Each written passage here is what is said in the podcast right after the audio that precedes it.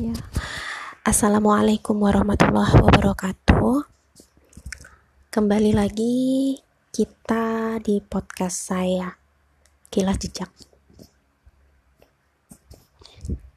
Mengabadikan jejak yang tertapak.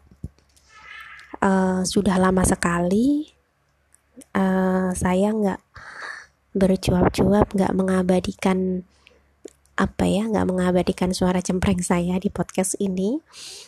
Tetapi akhir akhir-akhir ini beberapa bulan terakhir saya lebih sering untuk uh, mengikat hikmah atau um, menulis gitu ya melalui tulisan entah di Instagram atau di blog Tumblr. Uh, kali ini saya ingin coba untuk uh, apa ya mengabadikan bukan mengabadikan hmm, merekam suara ini. Yang tentunya pertama kali ini adalah uh, saya tujukan untuk diri saya sendiri.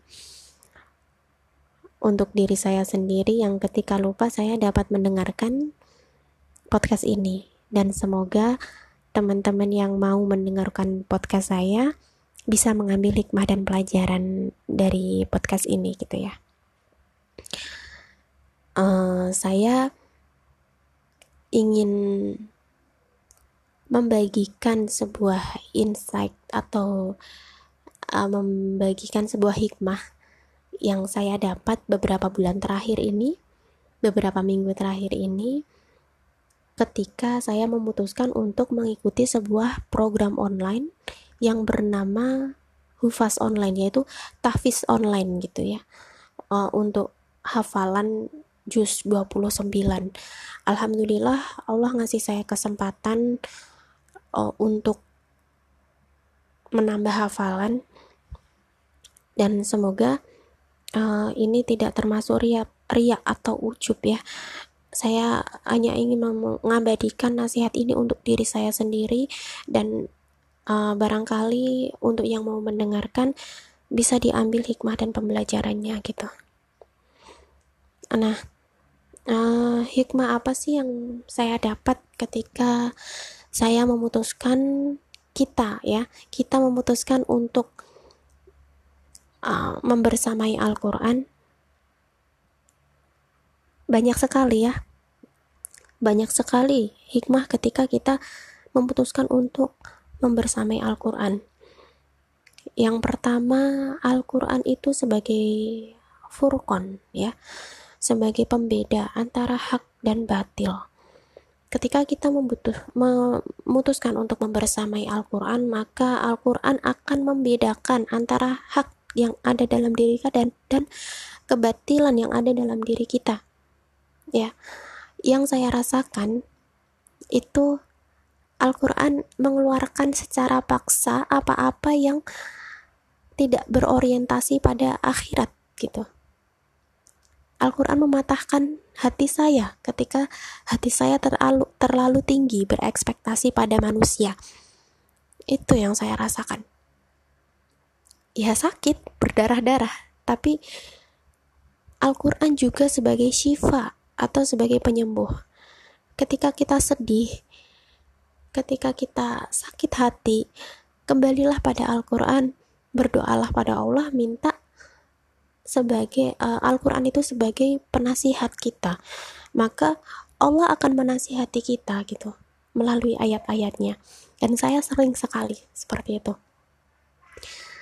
Uh, suatu ketika saya menghafalkan beberapa ayat ya.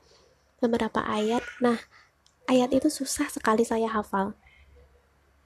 Susah sekali saya hafal. Dan di lain waktu ada yang mudah sekali saya hafal tetapi hmm, pada saat disetorkan itu hilang seketika, ambiar gitu ya.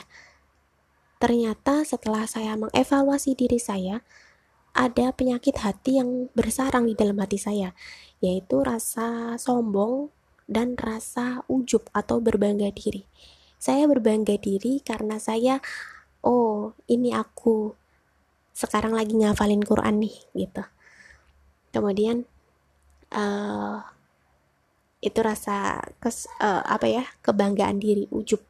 Kemudian sombong lah dia tuh masih terbata-bata ngehafalinya sedang aku udah lancar nih gitu. Eh ternyata waktu uh, saya setoran nggak inget tuh sama sekali.